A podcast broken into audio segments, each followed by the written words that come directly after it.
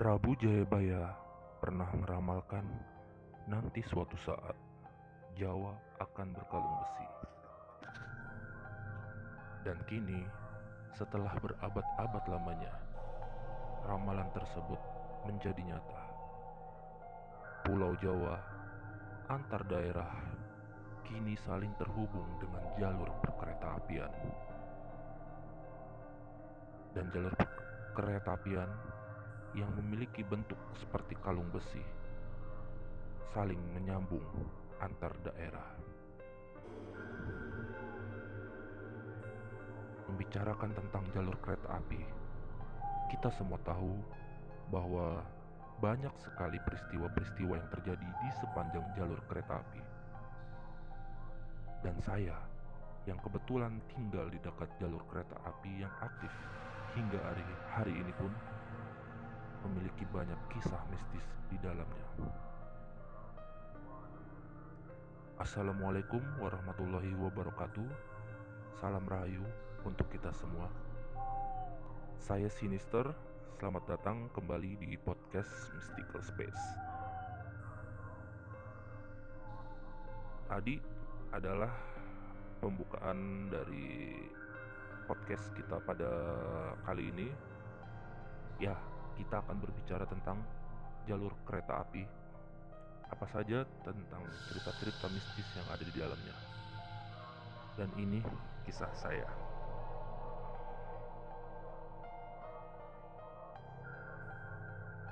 Kepada jiwa-jiwa mistis di mana pun kalian berada, sebelumnya saya berharap kalian sehat-sehat selalu ya.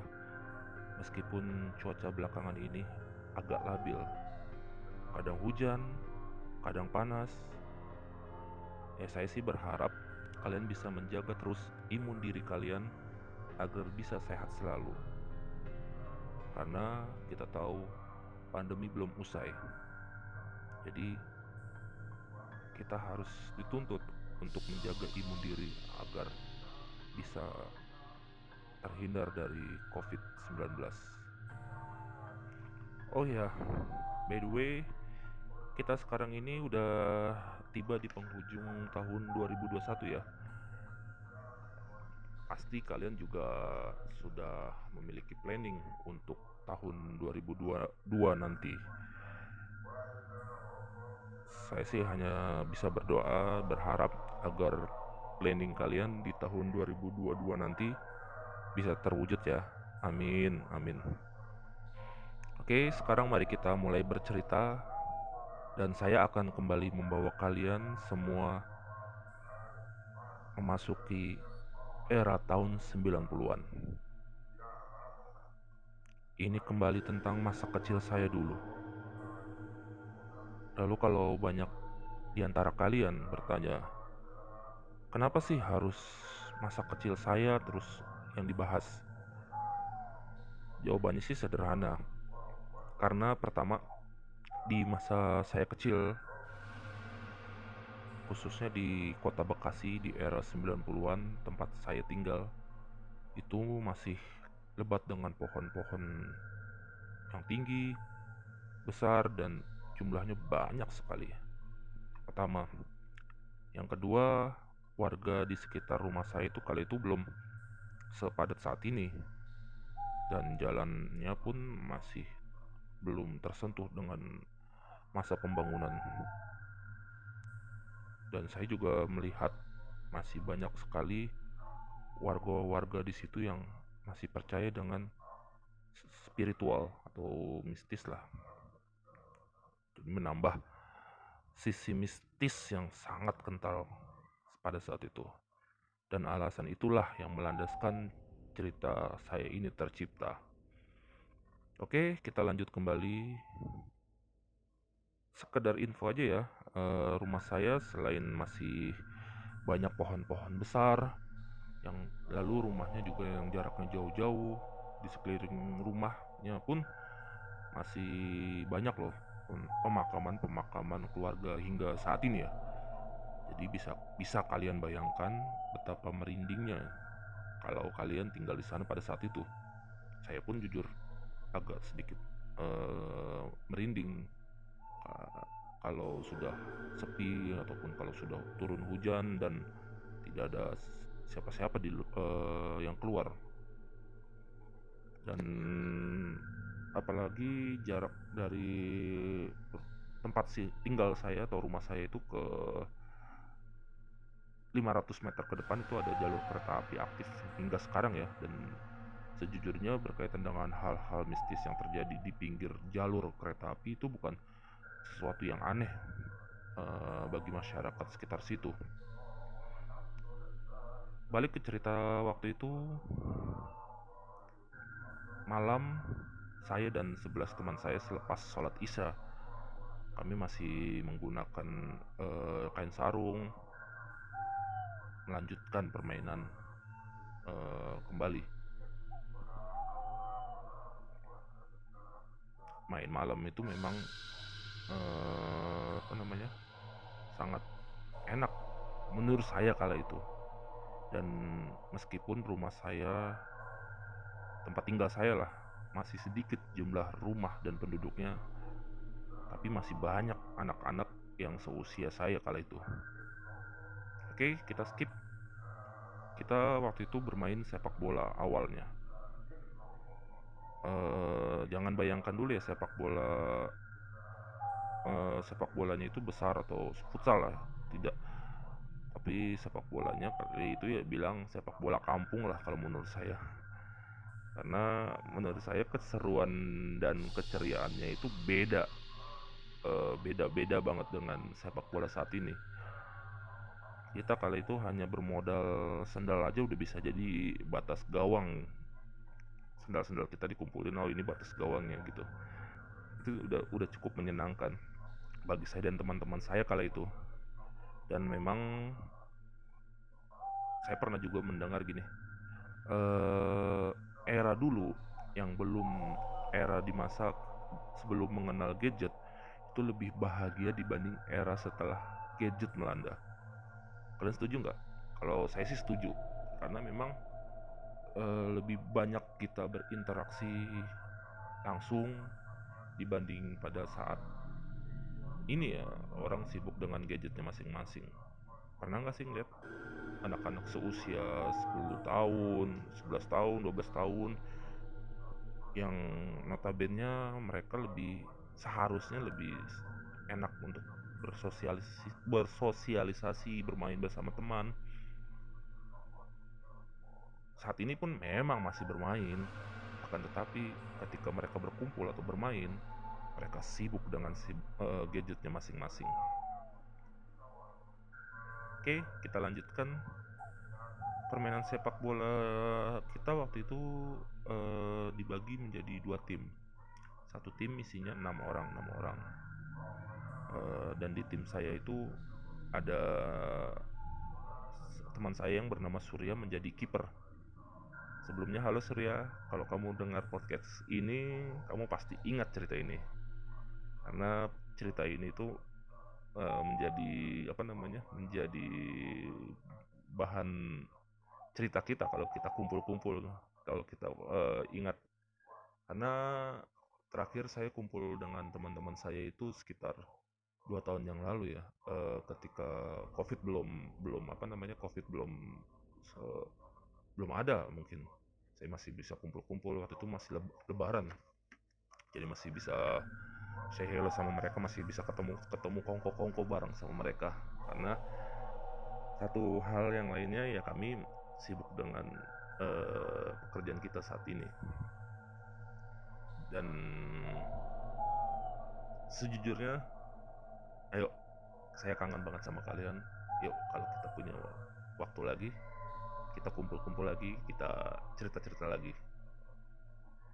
Oke lanjut jadi tim saya dan itu berada di sisi yang belakangnya itu langsung rumput-rumput tinggi dan tidak jauh dari situ ada jalur kereta api.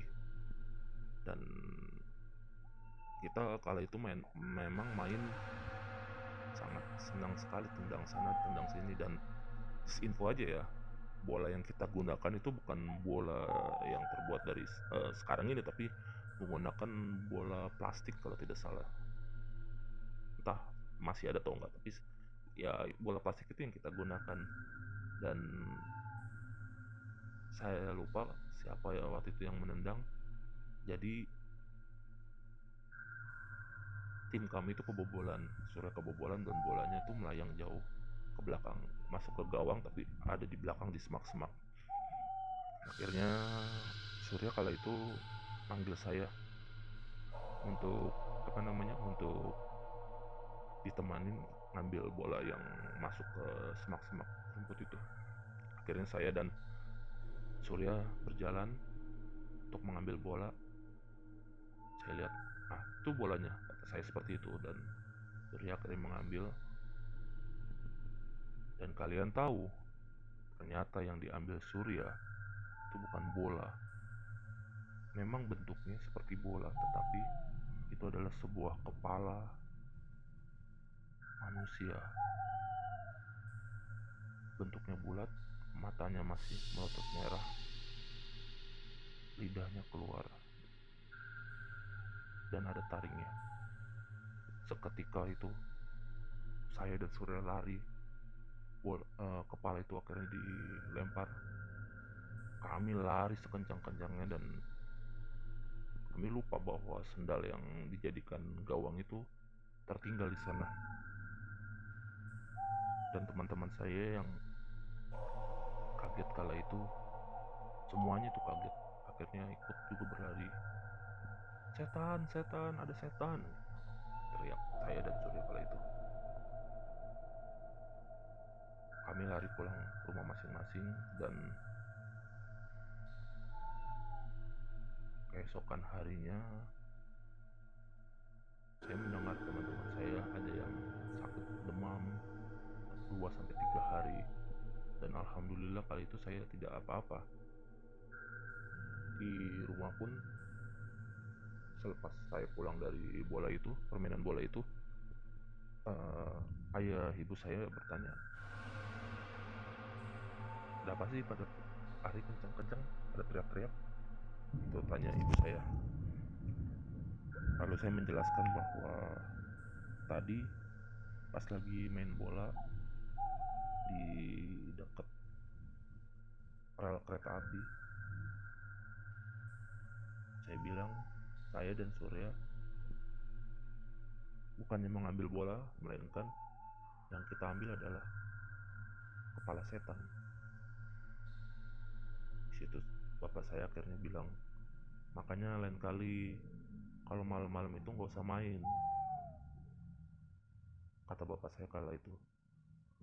Ya memang benar adanya memang uh, mereka mereka itu suka dengan uh, suka muncul ketika malam hari. Dan namanya juga waktu itu anak kecil ya senang-senang aja ya biasa aja lah. Ada waktu untuk bermain di malam hari ya manfaatkan dan cerita itu uh, tidak sampai di situ saja. Besok siangnya saya bermain uh, rumah Surya kala itu. Karena saya dengar Surya itu sakit. Dan sampai dipanggilkan uh, salah satu ustadz lah kalau saya bilang salah satu ustadz yang sekitar kita beda kampung kampung lain datang untuk uh, memberikan air untuk Surya. Dan saya datang ke rumah Surya untuk menjenguk. Dan di sana saya memang melihat uh, ustadz tersebut sedang membacakan bacaan bacaan doa di sebuah gelas air. Dibacakan doa-doa lalu uh, Surya disuruh untuk mengambil sedikit air untuk diusapkan di uh, mukanya dan sisanya diminum.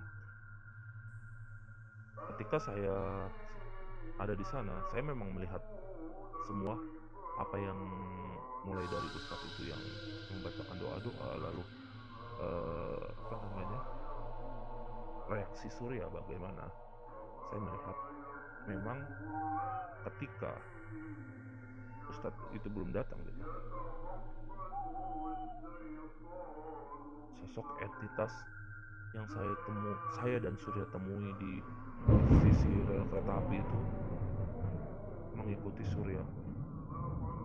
Bentuknya sudah berbeda lagi. Karena bentuknya saat ini berubah waktu itu berubah menjadi seperti bola api yang sangat besar yang melayang-layang dan itu saya lihat sendiri yang mungkin kalau saat ini kalian bisa menyebutnya sebagai Banaspati. Saya memang tidak berinteraksi dengan sosok entitas tersebut, tapi saya memang waktu kecil itu agak ada rasa takut juga melihat uh, sesuatu hal uh, seperti itu gitu terjadi kepada teman saya. Saya hanya bisa melihatnya dari jauh bersama waktu itu bersama teman-teman saya yang lain dan memang selepas uh, Ustadz itu memberikan air minum air doa lah pada Surya Alhamdulillah panas demamnya Surya itu berangsur-angsur sembuh dan saya melihat entitas itu hilang. Entah pergi ke mana dari kediaman Surya. Akhirnya saya dan teman-teman saya itu dipanggil oleh uh, ibunya Surya kali itu. Suruh duduk di sampingnya Surya dan Ustadz tersebut bertanya memang kalian malam-malam itu bermain di mana? Tanya Ustadz tersebut. Dan mereka pada teman-teman saya itu pada diam dan saya yang berani menjawab di lapangan dekat rel Ustadz kata saya seperti itu. Kalian tahu tidak? Di situ adalah makam-makam bagi jasad-jasad korban tabrak kereta api yang tidak sempurna. Jelas Ustadz tersebut kepada kami dan seketika kami yang notabene masih anak-anak kecil kala itu takut setakut-takutnya dan uh, merinding uh, seluruh tubuh kami itu merinding. Ada yang akhirnya tidak berani untuk keluar lagi malam-malam.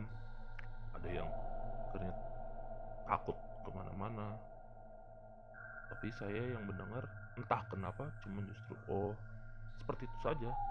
Entah kenapa reaksi uh, saya spontan reaksi saya hanya oh gitu ya oh gitu. Tapi dibilang takut dengan sesuatu hal itu ya kalau ditanyakan ya saya takut ketika pertama kali melihat itu gitu. Tidak bahkan tidak berani mendekat ketika Ustadz itu mengobati uh, Surya dengan air air suci bacaan itu.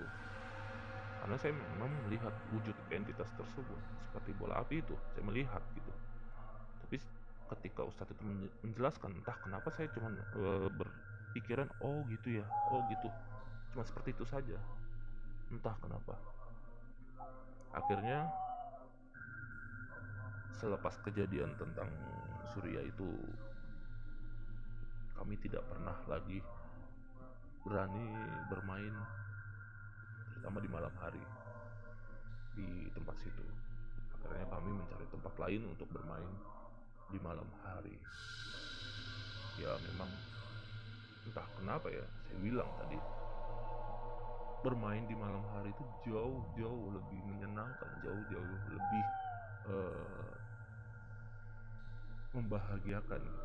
Mungkin kalian yang pernah besar, tubuh besar di era tahun 90-an yang pernah merasakan main malam itu pasti kalian setuju dengan apa yang saya katakan ini. Dan setelah kami mengetahui bahwa di situ uh, apa namanya tempat kami lapangan tempat kami main di malam hari itu sebagai uh, pemakaman atau kuburan bagi organ-organ tubuh yang tidak lengkap itu. Ya akhirnya eh, saat ini eh, saat itu maksud saya saat itu kami tidak berani main ke situ lagi dan entah kenapa eh, setiap melewati lapangan tersebut bawaannya memang karena mungkin karena su sudah tersugesti bahwa di situ sebagai tempat makam bagi eh, jasad-jasad uh, ataupun organ-organ yang sudah tidak lengkap. Jadi ketika melewati tempat tersebut bawaannya merinding ataupun uh, ada rasa takut gitu. Karena memang pernah satu saat itu saya dan bapak saya melewati tempat situ naik motor uh, saya berboncengan dengan bapak saya lah naik motor. Di berangkatnya kami tidak melihat apa-apa. Tapi pas ketika pulang uh, kami melihat sosok bos Candy alias PCG sedang berdiri mematung melihat kami kala itu. Dan bukan hanya saya yang melihat tapi bapak saya pun melihat. Akhirnya ya sudah karena kami pun tidak apa namanya tidak tidak merasa mengganggu mereka ya sudah. Kami pula sambil baca-baca di dalam hati. Dan alhamdulillah kami selamat sampai di rumah. Mungkin itu cerita itu dulu saja yang bisa saya bagikan pada podcast kali ini. Uh, nextnya mungkin saya akan bercerita tentang banyak tentang kehidupan masa kecil saya yang penuh penuh mistis. Mungkin juga saya akan bercerita tentang ketakutan saya apa yang saya takutkan yang sampai sampai sekarang ini saya takutkan. Oke? Saya sinister pamit wabillahi topik wal hidayah. Wassalamualaikum warahmatullahi wabarakatuh. Mugio tansah pinaringan rahayu sagung dumadi